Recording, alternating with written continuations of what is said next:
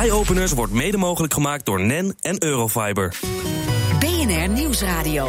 Zet je aan. BNR Eye-openers. CSI Nieuwe Stijl, bouwen met bagger, tagliatelle van zeewier, heel culinair... en contact met onze innovatiecorrespondent in Israël. Meindert Schut. Gebruik het BNR Eye-openers om te reageren op deze uitzending.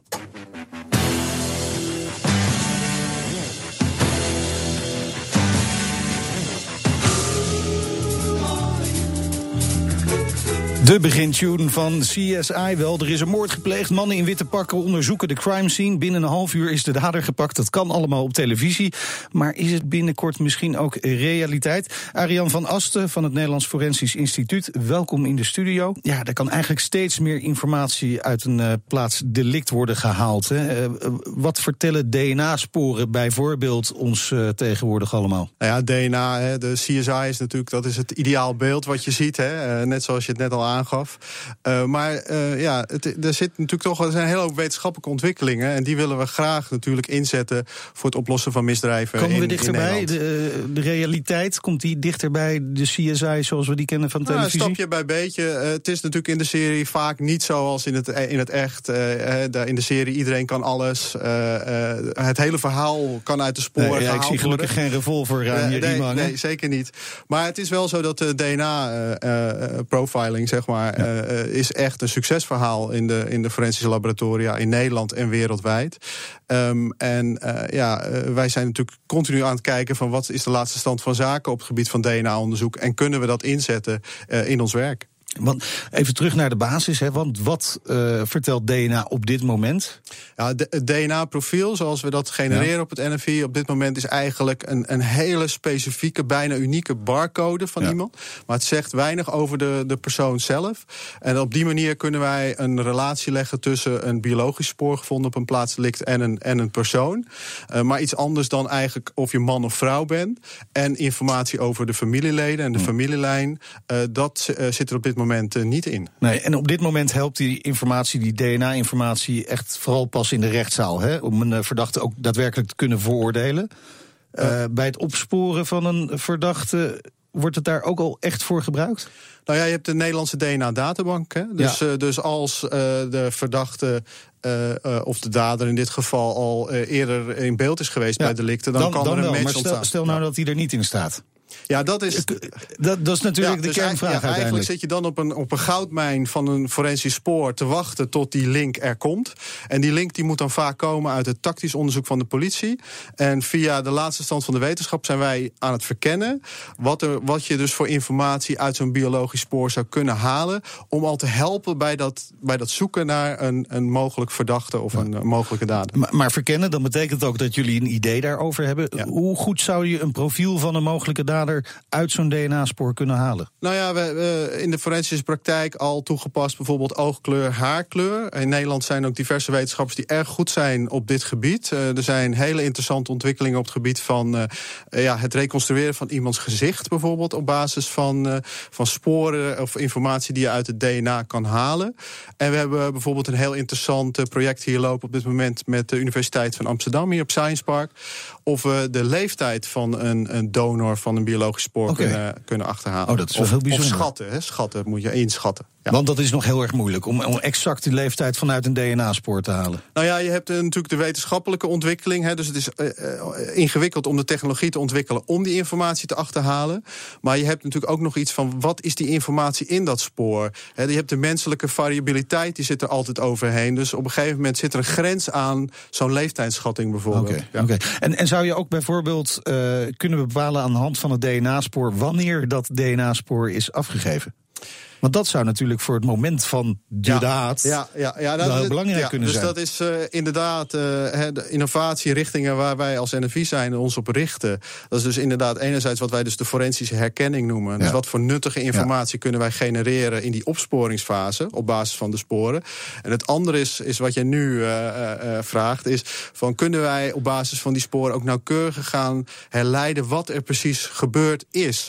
Uh, he, want het feit dat jouw biologisch materiaal ergens is, Mhm. betekent natuurlijk niet dat jij een Nee, misdrijf precies. hebt gepleegd. Precies. Alleen als je het precies op dat tijdstip kunt plaatsen, Ja, dan nee, eh, heb je wel dus een wij hebben verschillende natuurlijk. projecten in ons innovatieportfolio die, die daarop gericht zijn. Het dateren van forensische sporen. Ehm, eh, en dat kan bijvoorbeeld met eh, het Academisch Medisch Centrum hier in Amsterdam. Heeft een hele mooie methode ontwikkeld voor het dateren van bloedsporen, bijvoorbeeld. Dat Mhm, ja. is een voorbeeld. En op het NFI hebben wij projecten waar we kijken naar chemische componenten in vingersporen. En of wij dat ook als zeg maar, markers kunnen gebruiken voor het dateren van een vingerspoor. Wanneer is een vingerspoor ergens gezet?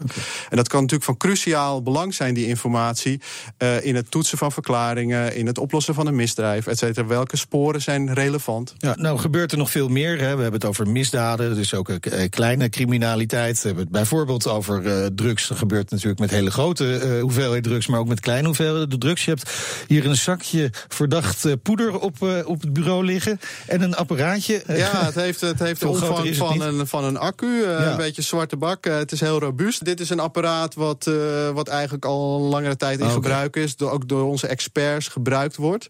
Eh, het is een heel krachtig apparaat. Ehm eh, kan je chemische identificatie snel mee doen. Alleen je moet best nog wel een kenner zijn om dit apparaat goed te kunnen benutten onder ja, toch de vaak complexe omstandigheden waarin wij naar stoffen Ja. kijken. Maar eigenlijk is het een laboratorium in een eh, klein doosje. Ja, absoluut. Ja, en, ja. en je doet dus een, een, een, een sample van het, eh, van het eh, ja, van in dit geval mogelijke Ja, drugs. ja.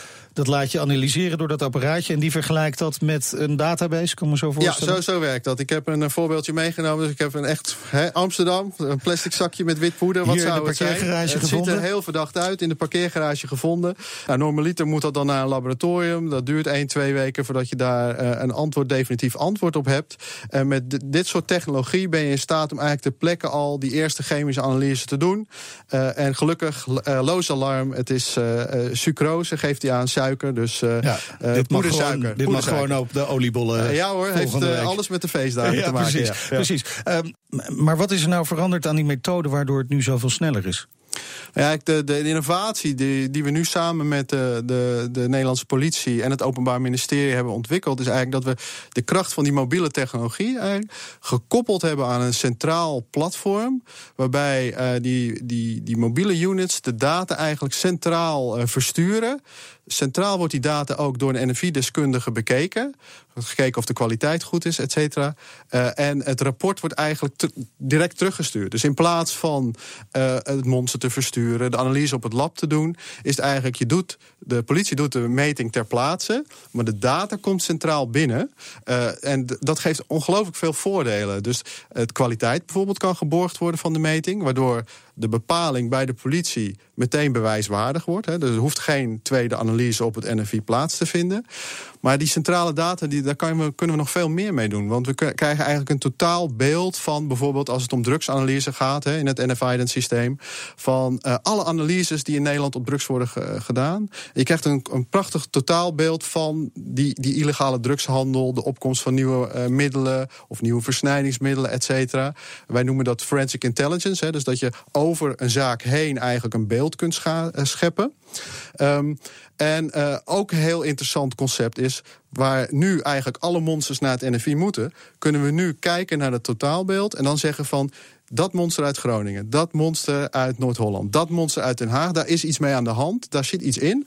En dat willen we in meer detail bekijken. Dus, dus wat we op het NFI doen, dat kunnen we veel slimmer selecteren. En wat we daarvan leren, dat stoppen we in dat platform. En dat komt weer ten dienste van alle, zeg maar, benchtop apparatuur. Nou is er eh, wel aardig wat bezuinigd hè, in, eh, bij het ministerie van eh, Veiligheid en Justitie. Kunnen we met dit soort oplossingen, dat soort bezuinigingen ook een beetje zachter maken?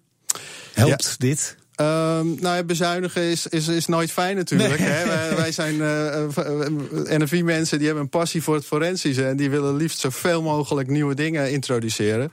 Maar innovatie, als het om innovatie gaat... gaat het niet alleen om, om uh, nieuwe dingen zoals we die net bespraken... Ja. maar het gaat ook over hoe kan je dingen slimmer doen... of hoe kan je meer samenwerken en het effectiever en efficiënter maken. En daarvan zijn twee dingen eigenlijk heel erg belangrijk. Dat is snelheid, hè, dus wat ik net hier gedemonstreerd ja. heb. Het belang en het nut van die informatie eigenlijk ter plekke te kunnen genereren. Zodat de politie bijvoorbeeld gewoon goed haar werk kan doen. En het tweede is natuurlijk ook het kostenaspect. Innovatie is ook, als je het slimmer doet, dan kan je meer doen en dan kost het minder. Dus dat is absoluut een uh, belangrijke component in het, uh, in het hele verhaal. Ja. En een uh, filmpje van de analyse van de poedersuiker is terug te vinden op onze website bnr.nl slash eyeopeners. Dankjewel Ariane van Asten van het Nederlands Forensisch Instituut voor je komst naar de studio. BNR Eyeopeners. Tagliatelle van uh, zeewier. Niet meteen iets wat je in je winkelmand zou leggen, misschien als je er langs zou lopen in de supermarkt. Toch werd het uh, jonge bedrijf Seymour juist door dit product tot het meest innovatieve food start-up van 2015 benoemd. Nina van den Dungen die ging langs en prikte een vorkje mee. Zeewierpasta. Is dat nou echt lekker? We gaan eerst eens even lekker kokkerellen met een uh, pluk bruin-groene zeewier, gedroogd. het gaat straks van kleur veranderen. Hè? Dat is een beetje het magische moment. Als je het gaat in het pannetje, heet water. Als je het erin doet, dan gaat het langzamerhand van kleur veranderen.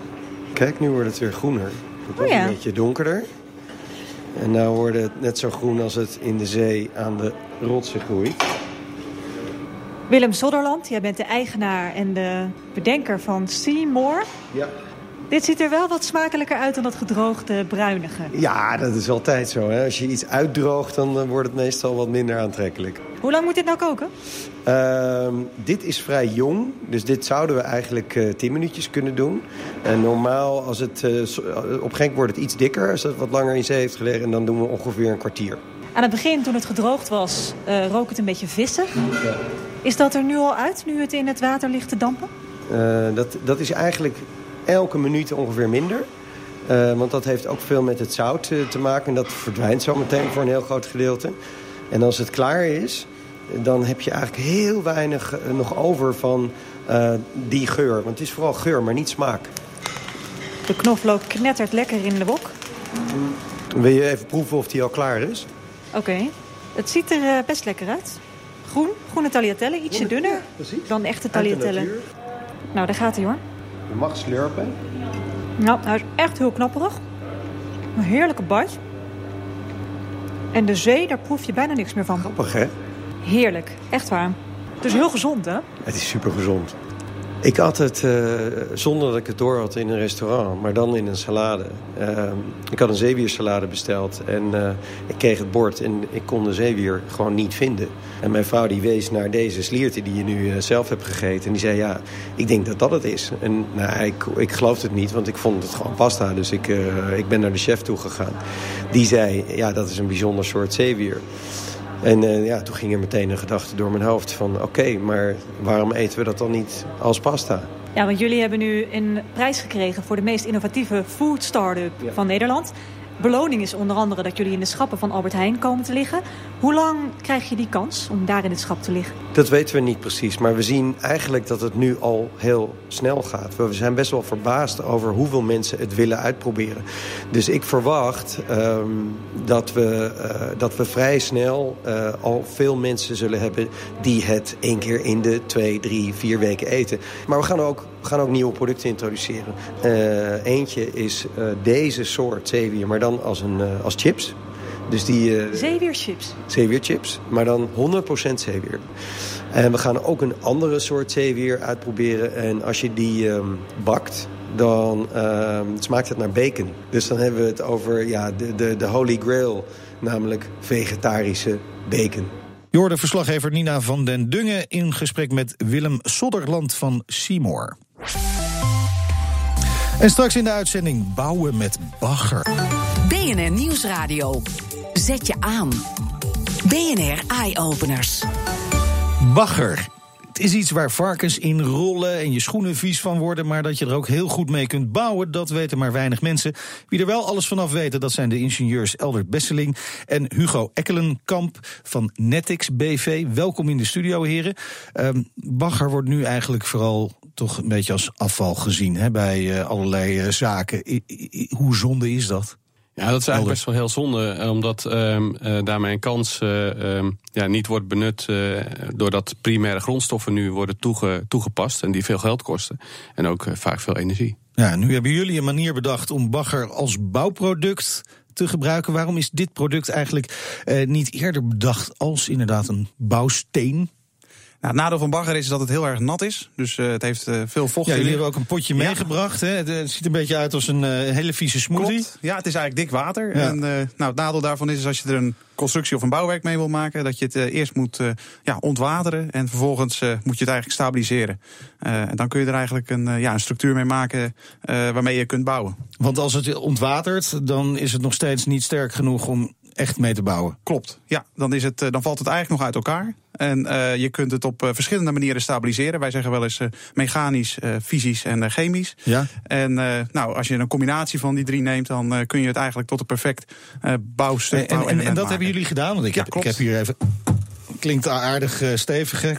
Sloop bijna het meubel hier in de studio. Maar ja, het is gewoon een, een, een soort baksteenachtig geval. Dat klopt, ja. Uh, het is een, uh, dit is een uh, geperst element, gemaakt van bagger in combinatie met het aanpersen. en nou, afhankelijk van de grondsoort kiezen we ervoor om bijvoorbeeld ook een binder toe te passen. om het extra sterk te maken en het extra lange levensduur okay, dus te geven. het verschilt per bagger ja. wat je eraan toevoegt? Klopt, ja. We, maken, we hebben een, de afgelopen jaren hebben wij als ingenieursbureau een, een, ja, een ingewikkeld rekenmodel gemaakt. Waarmee wij per baggersoort kunnen bepalen wat de beste manier is om het te stabiliseren. Zodat we exact weten welke uh, sterkte we straks hebben als we er een bouwwerk mee maken. En, nou, nou zijn wij wel baggerland per, bij uitstek. Hè? Er zijn ook de, de, de, wereldwijd grote baggeraars die komen uit Nederland. Dus we hebben er veel verstand van. Is dit dan ook echt een, een, een bouwproduct echt voor de Nederlandse markt heel geschikt? Ja, voor de, zowel de Nederlandse als internationale markt. Okay. Um, in Nederland zien wij het uh, bijvoorbeeld als alternatief voor houten beschoeien.